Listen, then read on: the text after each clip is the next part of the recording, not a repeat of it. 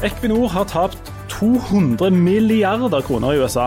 Fra dette spinnville Amerikaeventyret med innlagt rodeo til 35 millioner kroner. Får det noen konsekvenser for oljefylket Rogaland? Veldig godt uttalt oljefylke der, Takk. Linde. Men eh, hvem har ansvar for å finne ut av hva som skjedde da en ung polsk arbeider døde på et skip som lå til kai i Mekkjarvik utenfor Stavanger? Er det Norge, eller er det Antigua og Barbuda, eller er det Aftenbladet? Velkommen til Aftenbladet. Eh, du Jan, du, vi har jo snakket litt om penger tidligere. Du er jo en velholden mann, det må være lov å si. Det må vel ikke være nødvendigvis lov å si, men du sa det nå. Ikke, Ja, ja. Du har jo, men eh, du, du er ikke noen fattiglus, du, er du det? Du har jo både hus og hytte og noe sånn oppblå- oppblåsbart badebasseng. Det har jeg. I tett samarbeid med banken så har jeg skaffet meg disse, alt dette jordiske godset. Med selvfølgelig den tilhørende dårlige samvittigheten og eh, litt mye innsikt i renter og den slags type ting. Dårlig samvittighet, det skal du sette pris på. Det er det som driver oss, iallfall fra Jæren. Ja, ikke sant? Og det var, altså, Vi fra Jæren, nå, vi kan ta det først. Um, nå har det vært en voldsom debatt om folk fra Jæren er um, lavmælte og, og litt sånn lite taletrengte. Um, han her, Erling Braut Haaland, som jo er fra de grend, nemlig Brynebyen, han har fått voldsom kritikk for han er litt kort i svaret av og til. Og så har vi diskutert dette her, og jeg mener at dette bare er et utslag av å være jærbu. At du ikke sier mer enn du må. Ja, for jeg er jo en jærbu, og du ser på meg som lavmælt og ikke spesielt taletrengt. Ok, det, dette er verdens, Du er verdens dårligste bevis. Men, Men, men du, forresten. Altså, jeg tror at den opprinnelige jærbu var fåmælt og, og lågmælt. En gang for ca. en million år siden så hadde jeg en påskejobb. Der jeg, eh, jeg, jeg tror vi har vært sånn rundt 13-14 år. Og på underlig vis, jeg forstår ikke helt hvorfor, så hadde jeg fått jobb å være med og plante ut noe på et jorde ute på Jæren, ute på Orre. Som jo er påskejobber på Jæren? Som jo er påskejobber. Du skal så, og så skal du senere høste. Det er ikke måte på. Og så skal du ikke snakke imellom. Og så skal du ikke snakke. Så der lå vi og krøyp rundt i, i disse fårene, da, som det kalles for, og stappet ned i noen sånne små planter. Og det var bikkjekaldt og det var ubehagelig, og det var nok sannsynligvis allerede da jeg tenkte at du bør heller ta hovedfag i sammenlignet politikk. Men OK, eh, så lå vi der, og så kom det stavrende en gammel krok oppi fra gården, og han brukte enormt lang tid på å gå ned der. Og så kom han ned, og så sto han der med stokken sin, og så kikket han seg rundt, og så kikket han ned på oss, og så kikket han opp og ut og sånn. Så sa han ingenting. Og, så, og det er veldig rart med sånne som bare er der, men sier ingenting. Da får de en veldig sånn oppmerksomhet. Og så til slutt så sa han Ja, hva ringer i dag? så mye er værmeldinga.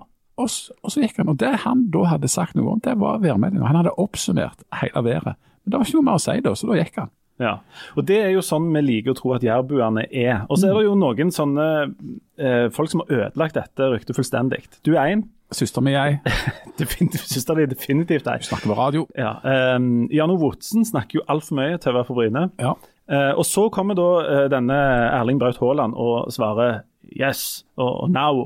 Ja. Når, når, når de tyske journalistene spør han om ting. Det, dette er litt overdrevet. Han svarte faktisk ganske greit for seg før dette her greiene var. Men det ikke, ligger det ikke litt til jærbuens ansvar å svare kort? Jo, de er jo det, og, men det er jo ikke medievennlig, er det det? Nei, ikke i hele tatt. Nei. Det, det, nei, det er jo ikke det. Jeg, jeg har um, en bekjent som påstår han har vært i et bryllup ute på Jæren. Altså Da er vi djupt sør, sør på Jæren, en plass i Varhaug-Vigrestad-området. På en måte rett før det tipper over til å bli nesten Egersund. Og Der brudgommen reiser seg opp litt motvillig i selskapet og skal holde tale til, til bruden. Eh, og grynte litt og brumme litt og sånn. Og så skal han da ifølge eh, sagnet ha sagt ja, vi, skal få det greit til. Og så satte han seg. Det høres ut som en sant? Det er omtrent sånn. Og jeg mener at Erling eh, Braut Haaland skal holde seg i den tradisjonen, og ikke bruke mer luft enn han trenger. Ja, altså for det, det er jo litt sånn hvis, og Det kan godt hende at han ikke hadde noe mer å si. Han, han har jo ikke det. Og spørsmålet er var det et budskap, var et spørsmål. Og så sa han, som enhver jærbu bør svare, uh, yes. Ja. Hilde Aurbekk, du er kommentator. Du lever jo av å utgyte masse ord, men du er jo fra Stavanger òg. Ja. Ja, jeg eh, snakker hele veien, jeg. Eh, men, eh, men jeg så på de intervjuene med han Braut Haaland, og så tenkte jeg at ja, men han svarer jo på spørsmålet. De stiller han et spørsmål hvor svaret er ja eller nei, og så sier han det. Ja. Eh, og det så det samme han sønnen min som er veldig opptatt av fotball. Han syntes det var helt fint, han. Eh, Så jeg, tror det er en sånn eh, jeg, jeg måtte jo bare le av alle de kommentarene som kom fra britiske tabloidjournalister. eh, For det er en sånn enorm kulturkrasj.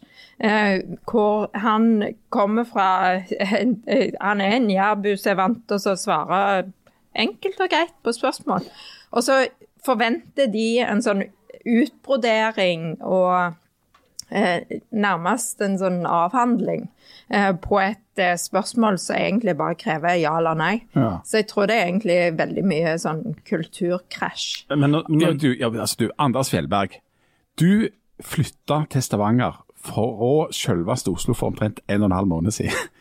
Snakker vi mindre eller på en annen måte her enn i Oslo? Har du merket noe kulturkrasj så langt? Eh, kan jeg først bare kommentere Erlend Braut Haaland? Ja. Gate? Fordi det, det, det jeg lurer på i denne saken, her er hva er det vi vil han skal si istedenfor? Altså, har noen noensinne sett et intervju med fotballspillere i den tunnelen som er interessant? Eller sier sånn Vi tar én kamp om gangen, utrolig takknemlig for fansen. Vi går ut på matta og blør for drakta. Men sånn det har jo aldri blitt sagt noe som helst interessant, så, så hva som helst annet. Og da mener jeg ja eller nei, som er sikkert også stilt som et eh, ja eller nei-spørsmål, er det er framgang, mener jeg. Ja, jeg, og det, er jeg helt enig i. Det, nettopp det. fordi at eh, Ideelt sett så kunne jeg gjerne kommet med sammenligna på en måte det der fotballspillet med Bourdieu eller et eller annet sånt. litt sånn, sånn. Men, men det er jo ikke sånn det skal være. Jeg liker det der. Når, når, når folk spør deg eh, du gjorde sånn og sånn, sånn, var det et budskap bak det? Da er det rette svaret enten ja eller nei, eller i Braut sitt tilfelle yes eller no. Og han er vel framfor alt ansatt der for å bruke beina for å spille fotball, ikke for å være filosof eller retoriker eller Jeg tror han har en, en 20 %-stilling er filosofi. Men- resten tror jeg er å, å hamre inn mål, eller dryle han, som han berømt uh, sa. Men Anders, er vi, nå, nå har du bodd her, selv om du kom liksom i koronatid, og du er den sist ankomne i Aftenbladet, flytta her til fra Oslo og har jobba i Dagbladet. Um, er vi litt sånn avmålte? Har du fått noe ut av noen her? Ja. han er, han er kulturelt på plass allerede. Det er veldig, veldig bra. Veldig godt, eh, godt opplært. Du, um, når vi Når vi først har deg her. Ja, når vi først har deg her. Ja, for dette, vi må, altså, ja, du har jo kommet her, eh, Anders, eh, på egentlig en veldig rar måte. da, egentlig, sant? For at Du begynte i Stavanger Aftenblad 1. april, eh, og du flytta da altså til en helt ny by, begynte på en helt ny arbeidsplass, midt i koronakrisen med fullt heimekontor. Hvordan i all verden er det å begynne å arbeide en plass når du ikke ser noen?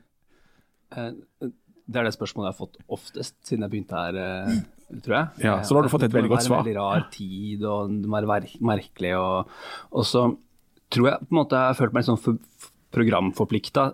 Fordi at det, det er sånn vi på en måte skal ha det nå. At jo, dette, dette her har vært merkelig og rart og uff og tungt. Og, og så, men så prøvde jeg å tenke litt på det i, i går, da jeg visste jeg skulle hit. Og så kom jeg på at jeg, jeg har egentlig hatt det veldig bra, jeg. Det er bra. Så, det Det er masse introverte her, så det passer veldig fint, egentlig. Jeg har fått lov til å sitte litt på kontoret og jobbe herfra, så jeg ikke skal være helt alene i en ny by. Men ellers så har det vært, eh, vært masse ute i naturen og vært på fjell og i bølgene og Det høres helt, høres helt forferdelig ut. Og du, du, er du er del av denne E24-satsinga som, som uh, flere aviser i Norge har gått inn på. Kan du si noe om hva den går ut på, eller hva er det du skal gjøre for noe? Uh, den satsinga går ut på at eh, E24, som er næringslivsnettstedet til Skipsted, som også eier Stavanger Aftenblad og et par andre aviser, eh, bl.a. VG og BT, eh, de skal bli vi skal bli tyngre på, eh, på næringslivsjournalistikk, så da kobler man det journalistiske miljøer i uh, både Aftenblad og i BT i Bergen sammen med uh, miljøet som sitter i Oslo. Og så har man plutselig en uh, veldig stor næringslivsredaksjon med veldig masse flinke folk. Og du har flytta til altså du er fra Oslo. Du er egentlig fra Tjøme, Sandefjord. Tjøme. Ja. Mm. Et av de største fotballtalentene Sandefjord aldri fikk. Helt. Oi, her har du research, gitt. Ja, ja. For du har egen Wikipedia altså Mine kilder, altså Wikipedia, har fortalt meg at du har gått på en eller annen form for fotballinje på videregående. Ja, ja. Han Ja. toppidrettslinje på Sandefjord. Men jeg ble skada første uka. Ja, det, det er skaden som gjorde at du aldri ble Så, verdensstjerne, selvfølgelig. Men, men ok, men du har bodd i Oslo de siste årene, sant? Ja, Du, bare Før vi går videre, Stemmer det at folk i Oslo ikke tør å gå inn på Kiwi-butikker, for der står ungdomsgjenger og handler narkotika med frysedisken? Nei. Er det sånn? Ok. Stemmer det at du flytta fra Oslo fordi at de er i ferd med å innføre sharialover der? Det har jeg hørt. Uh, skal vi s Nei. Nei, ikke det heller. Ok, Et spørsmål til. Eh, Når det gjelder Slottet, bor egentlig kongen der, eller er det bare litt sånn til pynt? For det har jeg òg hørt. Altså, Jeg har ganske gode kilder i Oslo, så Vet du noe om det? Jeg Jeg, veit ikke hvor kongen bor, jeg. Hvis Nei. helt ærlig. Nei, vi må vite. Men Forresten, kjenner du han der Lillebjørn Nilsen? Har du telefonnummeret hans så jeg kan få? Eh, nei, men vi handler på samme Eller vi på samme senter. Å, dere gjorde det, ja? Ok. Sist, sist, Så du noe til tanta til Bate? Kjenner ikke. ok. Hva er raskeste veien fra Judaberg til Podlestad? Ville du tatt gamleveien eller om Tjelta? Eh, jeg, liker, jeg liker den Circle K nå på Tjelta der, så jeg ville tatt dem Tjelta. De har sånn god Å, det trodde Å, ja, det var, ok, det var kjempesterkt. Du, vi, vi, skal, vi skal gå videre. Vi skal snakke om eh, noe av vel det første som du gjorde her. Uh, Ja. Fordi at du begynte altså i, i Aftenbladet 1. april. Den 2. april, altså dagen etterpå, så dør Jaroslav Sieminski i ei arbeidsulykke i Mekjarvik utenfor Stavanger. Han er en polsk arbeider som jobber på et skip der, men det er ingen som vet helt nøyaktig hva som skjedde. Og ansvaret for å finne det ut, det ligger vel egentlig på ei slags øy i Karibia. Men for å spole bitte litt tilbake igjen, noe av det som du er litt sånn kjent for i, i eh, journalistisk i Norge, er at du vant faktisk NM i journalistikk eh, i 2016 for noe som heter Våtdraktsmysteriet, som handler om at Ja, fortell, hva handler Våtdraktsmysteriet om? Uh, den handler også om noen som var døde i havet. Uh, I 2015 så var det en fyr som fant en våtdrakt nede på lista, hvor det var et, uh, noen rester av et menneske inni. Uh, og så viste det seg etter hvert at de hadde, det var noen i Nederland som hadde funnet en kliss lik våtdrakt med en død person inni. Og at begge våtdraktene kom fra samme sportsbutikk og var kjøpt samtidig i Frankrike, ved Engelske kanal. Og så prøvde politiet både i Norge og, og Nederland å finne ut av hva det her dreide seg om, men de kom ingen vei. Så øh, jeg og en kollega av meg, Tom Christiansen, vi, en fotograf, øh, vi øh, satte i gang vår egen etterforskning, egentlig, og reiste ned til Frankrike i en hvor på den tida var en diger flyktningleir i Calais som het The Jungle, hvor vi til slutt klarte å finne identiteten til de to omkomne og spora historiene deres helt tilbake til familiene som hadde flykta fra Syria og da levde litt spredt forskjellige steder. Og så kommer du til Stavanger, og så dagen etterpå så, så er det altså et, det dukker opp et nytt dødt menneske i sjøen. Og det har dere begynt å nøste i. Hvordan ha- altså, hva var det som, Kan du si litt mer om hva det var som skjedde, eller hva dere vet for noe sånt? For dette òg har internasjonale og nasjonale og liksom svære implikasjoner. Fortell litt om, om hva som skjedde her. Vi, vi vet ikke så fryktelig mye om, eh, om, om hva som skjedde. Det står ikke så mye i de dokumentene som er, eh, som er tilgjengelig. Eh, det var en Det lå et, en slepebåt fra Eid i Tyskland, registrert i Antigua Barbuda, på oppdrag for eh, oljeselskapet Shell, for en plattform på britisk sektor, som lå til havn eh, i Mekjarvika på Randaberg. Og så eh, var det dårlig vær, og de, eh, har vi fått høre, skulle gjøre et eller annet med fortøyninga på skipet fordi det blåste opp. Og eh, da på en eller annen måte så falt eh, han ene i eh, vannet, og eh, en annen forsøkte å hjelpe han opp. Eh, de blei dratt eh, opp igjen av annet mannskap på skipet, men han ene, Jaroslav, han døde da av skadene senere. Og hva er det som gjør dette såpass interessant, bortsett fra det rent tragiske at en mann har dødd i ei arbeidsulykke? Normalt når noen dør på en kai i Norge, så tenker man jo at det vil følges opp av et eller annet norsk apparat, da, eh, som vi har tiltro til. og På land så er det f.eks. Arbeidstilsynet eller når det er alvorlig politiet er inne. Men eh, her var uh, politiet helt fra starten av helt klare på at her har vi egentlig ikke myndighet til å, til å gjøre noe som helst. Det er det flaggstaten, altså der skipet er registrert, Antigua og Barbuda, som har. Og hvis ikke de ber oss spesifikt om å etterforske der, så er det egentlig ikke noe mer vi kan gjøre. Og det samme gjelder da eh, Havarikommisjonen og, og Sjøfartsdirektoratet. Eh, som også kunne sett på hva som har skjedd. Eh, altså, de har eh, mulighet til å gjøre det, eh, men det gjøres visstnok veldig sjeldent. Eh, fordi det ifølge internasjonal havrett så er det flaggstaten som først og fremst tar ansvar for å gjøre det. Så det er litt merkelig, da sitter jo en, en, etterforsker i Tyskland som er engasjert av Antigua Barbuda. Han kan ikke reise til Norge pga. korona, og de skal finne ut av hva som skjedde på Randaberg. Det, altså det er jo her denne saken blir helt sånn um, absurd. Men, men det, altså regelverket er sånn. Hvis en, hvis en norsk sjømann uh, hadde omkommet i en tilsvarende ulykke i et annet land, hadde det da vært norsk politi og norske myndigheter som hadde tatt den saken? På et norsk skip, ja. ja. ja. Altså, med, og, og det, det, er en viss logikk i det også.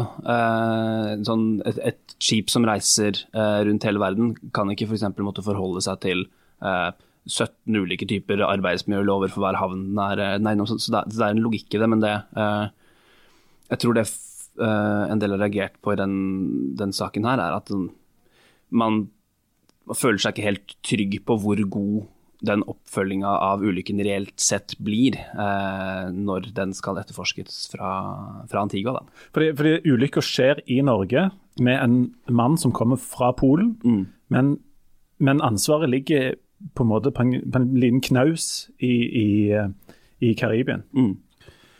Dette er vel, altså Antigua Barbuda er vel en, en, plass der ganske mange skip da er, er registrert. Betyr det at de har ekspertise på å etterforske sånne ting som dette her? De, de har en etterforsker som, eh, som, jobber med det her. Eh, vi har snakket med han flere ganger nå. Han jobber for et tysk firma, og han er utnevnt til sjefsetterforsker fra Antigua Barbuda.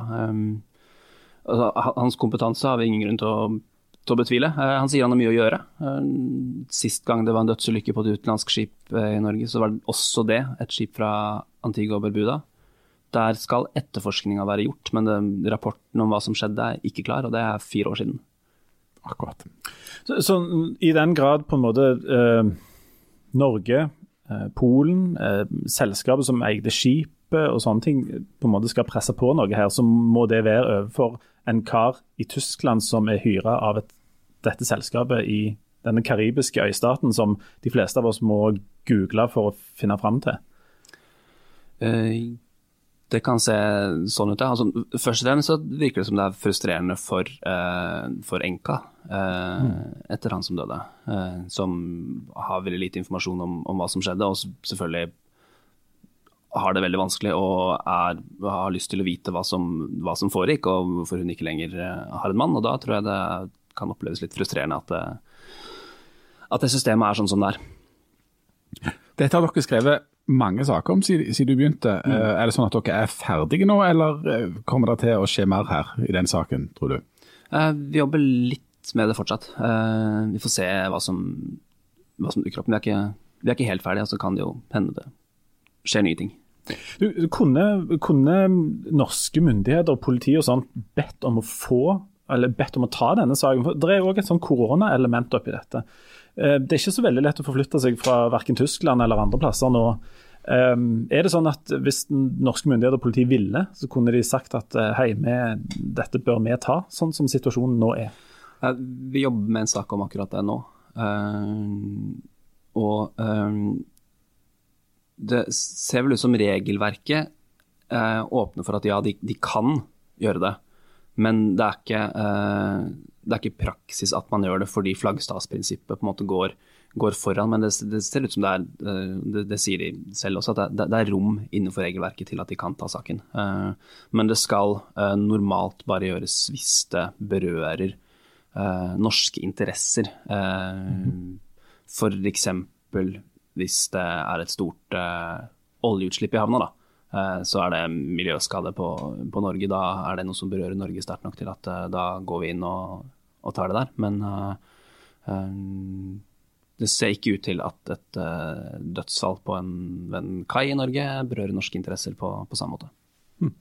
Nei, vi, vi, skrev jo om dette når en filippinsk mann døde for noen år siden på kaien i Stavanger. og Da var det, var det jo òg den samme eh, problemstillingen. Eh, og Da var det jo et politisk etterspill i etterkant hvor spesielt eh, Arbeiderpartiet da krevde at det kom lovendringer. Men i, etter det så har det, det, det har jo ikke skjedd noe i det hele tatt. For som Anders sier, så er jo regelverket helt likt nå. Mm. Og denne ulykken får jo akkurat samme Eller ingen konsekvenser, akkurat sånn som det gjorde den gangen for Eh, for de, den familien som sitter igjen, der var det jo òg et spørsmål om, om eh, de barna og enken hadde fått nok informasjon. Og det, det, hadde de jo heller ikke den gangen. Så det er jo tydelig her at det, det, det var veldig mye sånn politisk snakk om det i etterkant, men det har jo ikke reelt skjedd noe.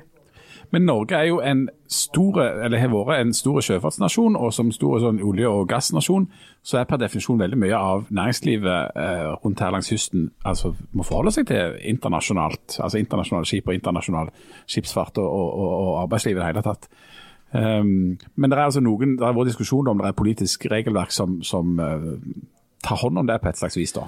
Ja, det var jo det var folk som mente at det burde endres den gangen, men, eh, men det, eh, har, den diskusjonen hadde tydeligvis ikke uh, tatt helt av. Den, den, har ikke Jeg tror at det, det, er sånn at det er veldig vanskelig fordi at det er et internasjonalt regelverk, og du kan ikke bare gå inn på norsk side og endre på det. og det, Sånn som Anders sier, at det, er jo to sider av denne saken. At hvis et norsk skip er i havn, andre steder i verden. Eh, skal det forholde seg til eh, arbeidsmiljølovene i alle disse landene? Mm. Eller, skal det, eller skal det gjelde norsk lov for norske sjømenn på en norsk båt?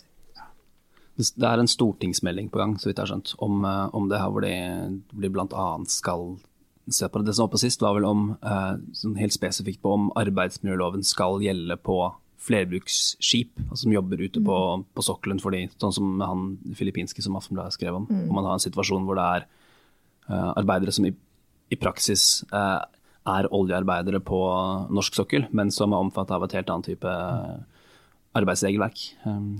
Du, hvis han, hvis han som omkom her, hadde vært en nordmann ansatt på dette skipet, hadde det endra situasjonen noe som helst? Jeg syns det er et veldig godt spørsmål. Takk. Og svaret ditt er greit. Litt sånn jærsk. Ja, Altfor jærsk svar. Men, det, men um, og, dette blir, Nå er vi litt sånn ute i det hypotetiske mm. her, men vi kan sikkert i Norge få visst avstand, en viss avstand til den type saker når de som omkommer er ikke norske statsborgere, altså de er fra Filippinene, de er fra Polen. Hvis, eh, hvis denne karen hadde hatt familie som bodde på Verdeneset eller på, på Madla, så hadde vel det samme regelverket vært i sving, eller hadde dette fått et annet utfall, da? Og igjen, dette er hypotetisk. Jeg, jeg, jeg er ikke noen ekspert på, på det her, og det eh, Nei, jeg, jeg, har sett det er noe eh, det, eh, Hvis f.eks. mange nordmenn dør i en skipsulykke, så kan også Norge involvere seg, sånn som skjedde i Scandinavian Star f.eks. Mm. Eh, om det, hva som skjer hvis én norsk statsborger dør på et utenlandsk skip i Norge, er jeg ikke, er ikke sikker på. men eh, Eh, teoretisk, ja, så kunne det blitt behandla på helt samme måte som, eh, som den saken er. At, eh, den, at det skulle vært Antigua som skulle gi svar til den, til den familien. Um, Vi kan i hvert fall spekulere i at, vi, at, Norge muligens hadde dratt den saken litt nærmere enn oss sjøl, men de spekulasjonene skal stå for min regning. Jeg har mange regninger for tida som, som, jeg ikke klarer å gjøre opp. Så, så lenge du har et nært og godt forhold til den banken din, så går dette kjempefint. Du, Når vi snakker om regninger um, altså, Vi har jo dann og vann litt ekstra penger. Nå kommer det feriepenger sånt, som jeg allerede har brukt opp et oppblåsbart uh, boblebad. Uh, men, men, nå kommer det jo penger. Men de som virkelig har penger um, i Norge, viser det seg, det er norske selskaper i andre land. Ja, de hadde iallfall masse penger. Ja. Eh, nå har jo altså DN da eh, avslørt jo først da at eh, det som er tidligere kjent som Statoil, som nå heter Equinor, har tapt 200 milliarder kroner i USA. Men det er òg penger, Jan. Husker jeg det? Det kan òg være penger. De har dobbeltbetalt regninger. De har altså f.eks. når de fikk en regning på 35 000 dollar for et rodeo, som du òg kan lure på om hvorfor et oljeselskap holder på med. Når den kom, altså 35 000 dollar, så betalte Statoil 3,5 millioner dollar inn, altså 100 ganger så mye. Og, og disse stakkars rodiofolka prøvde i tre måneder å få liksom, betalt tilbake, og ikke sitte der med 100 ganger så mye, men eh, det var eh, komplisert. Og min favoritt på et eller annet tidspunkt så skal de angivelig da ha betalt 700 000 for en kalkun på et Det er fantastisk. Ja. Og det er 700 000, du kan le av det, men det er òg penger. Det kan også være penger. Og altså, Finansredaktøren i DN han har, har omtalt denne saken som den største industriskandalen i norsk historie. og I Aftenposten eh, denne uka så anslår investeringsdirektøren i Nordea at dette har kostet det norske fellesskapet omtrent 55 milliarder kroner. Altså at det ikke er rent sånn regnskapsteknisk. Men det er òg penger, Jan. Det er òg penger. Det er omtrent et norsk forsvarsbudsjett, faktisk. Hilde Øvrebekk, du som har vassa rundt i dette oljesamfunnet, både nasjonalt og internasjonalt. Hva i himmelens navn er det som har skjedd her? Det har gått helt bananas, hvis du spør meg. Um, det var en tid uh, hvor eh, Helgelund var konsernsjef, og eh, dette begynte jo eh, Investeringene på land i USA begynte i 2008. Eh, og så balla det jo på seg etter hvert, så de trodde at oljeprisen skulle eh, gå opp i himmelen, og, og disse investeringene eh, var noe nytt. Og, eh, men det som de ikke tenkte på, var jo egentlig at det, dette kan vi ikke. Vi kan eh, offshore. Eh, og nå i senere tid så har de tatt offshorekompetansen sin og brukt den på havvind, f.eks. Eh, det er jo lurt. Men, eh, men det som de holdt på med på land i USA, kunne ikke Statoil den gang i det hele tatt. Og mange analytikere advarte jo på forhånd om at eh, de er overbetalte for disse feltene som de kjøpte seg inn i. De trodde på en oljepris så ingen analytikere den gangen trodde på i det hele tatt. De, de så ikke det som alltid skjer i oljemarkedet, at det svinger opp og ned. Det var akkurat som de eh, ikke ville se at det kom til å skje igjen. Eh, Pluss at de har, jo, de har jo hatt en sånn vanvittig pengebruk med, med millionlønner til mellomledere og, og den eh, kalkunen eh, til 700 000. Du skal ikke kimse av det. 700 000 er òg penger, jeg bare minner om det. Ja. Ja. Vil Her er jo vanvittig mye penger. Så, så de har eh, Nå i dag så sitter de jo og sier at de har eh, Nei, nei, de skylder på oljeprisen. De trodde at oljeprisen skulle bli så høy. Men det, det kan du se på intervjuer som vi har gjort uh, i den tida. At det trodde de ikke den gangen. Så det, her snakker de jo det, Her snakker de jo ikke sant heller. Men, altså, ja, når du betaler de- 700 000 for en kalkun og, og 3,5 million for et rodeo, så er det tydeligvis også en betalingsvilje, en slags kultur for å bruke penger. Ja, og så skylder de eh, eh, dette mye på dette Brigham Exploration, det selskapet som de kjøpte opp på land i, i USA. Uh, og, og der var det visstnok eh, skal det ha vært en sånn kultur for, eh, for at de har sløst masse med penger og sånn. Men dette har jo gått over en lengre periode. Så Eh, og internrevisorene har jo advart ifølge DN om dette eh, gang på gang, uten at det har blitt gjort noe med det. Så de har jo ikke hatt kontroll i det hele tatt. Du- Og, og pengebruken har jo bare balla på seg. Eh, Altså For oss som eh, har en økonomisk innsikt som strekker seg til at jeg bruker alle feriepengene på et oppblåsbart boblebad, um, som det viste seg at jeg ønsket meg til 40-årsdagen, fant jeg ut etterpå. Um, er, hver gang vi skriver, eller Ofte når vi skriver om at et selskap har tapt sånn og sånn, eller den og den har tapt sånn og sånn, så er det noen i kommentarfeltene som skal presisere at de har ikke tapt det. altså det er bare, det, Ting svinger og liksom sånn. Er det sånn at vi, altså Statoil som er det sånn delvis eh, vårt, Equinor, unnskyld, nå kommer jeg til å bli skutt av en eller annen sånn Kommer til å bli tatt ut, for jeg sa Statoil. Det var Statoil den gangen. Ja, OK, det, var, så ok, er det blir ikke tatt ut allikevel. Er 200 milliarder tapt? Uten at, kan du forklare det? Uten at det blir for vanskelig? Hvis det blir for vanskelig, så begynner jeg å synge 'La det svinge, la det rock'n'roll'.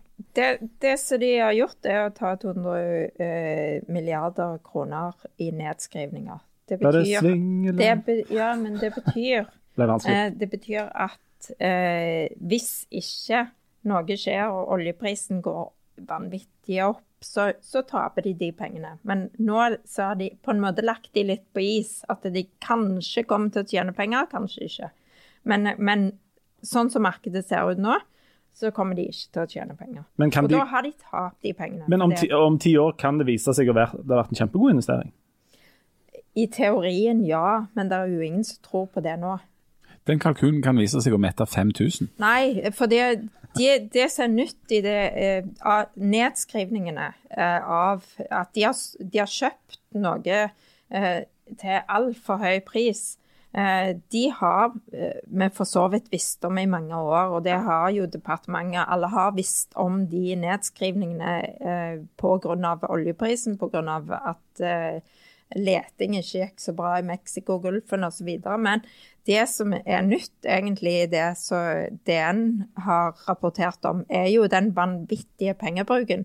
Og det ligger jo òg inne i de regnskapene. For det, det, det er jo ikke penger som bare kommer fra ingen plass. Men det er jo For sånn, altså- altså- har jo vært ja. i regnskapene en eller annen plass. Men oljebransjen har jo vært altså Det har jo fløte av penger. Det har vært helt avsindig mye penger. Eh, altså Hele halve den regionen vi sitter i nå er jo bygd på oljepenger, og, og Norge og ikke måte på.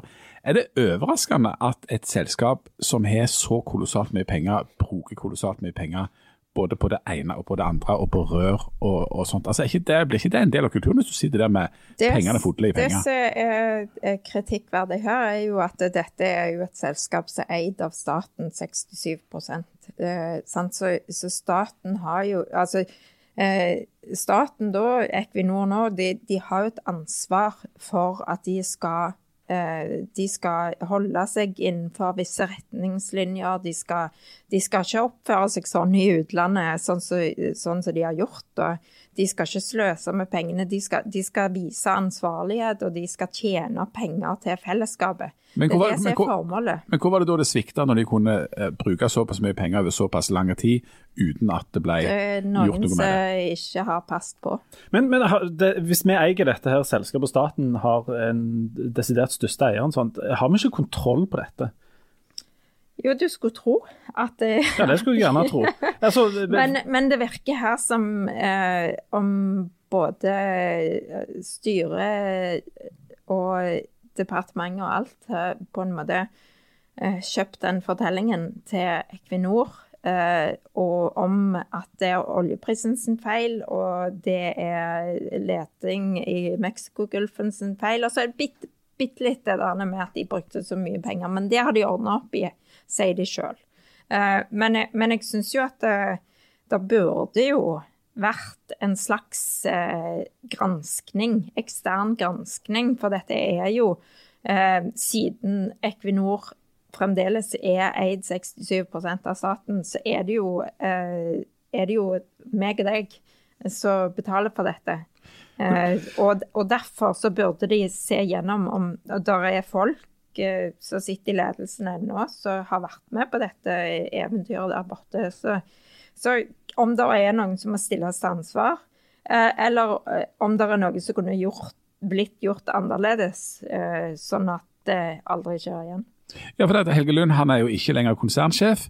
Eh, og så er det snakk om er det noen som bør gå. Altså, Du kan jo få advarsel og skrape hvis du fyller feil ut på en reiserekning, men her er det altså 200 milliarder som, som røyker ut.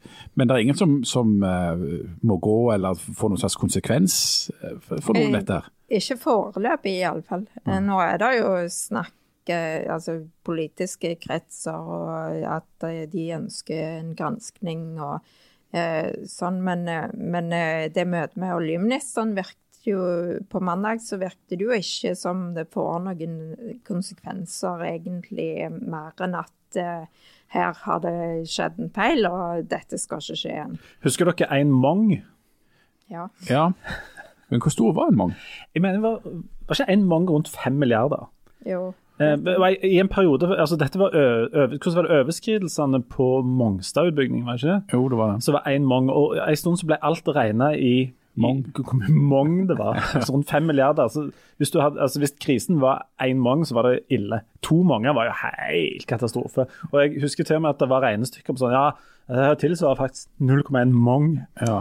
Eh, Dette blir for mange. Eh, En mong i, mong i pluralis, blir det ming eller mongi eller et eller annet sånt? Det er du som er Vet ikke hvor mange mung- Vet ikke hvor mange mung, mange ming blir det når det blir 200 milliarder? Det er ikke sånn, det er ikke bare mong, mong, mong.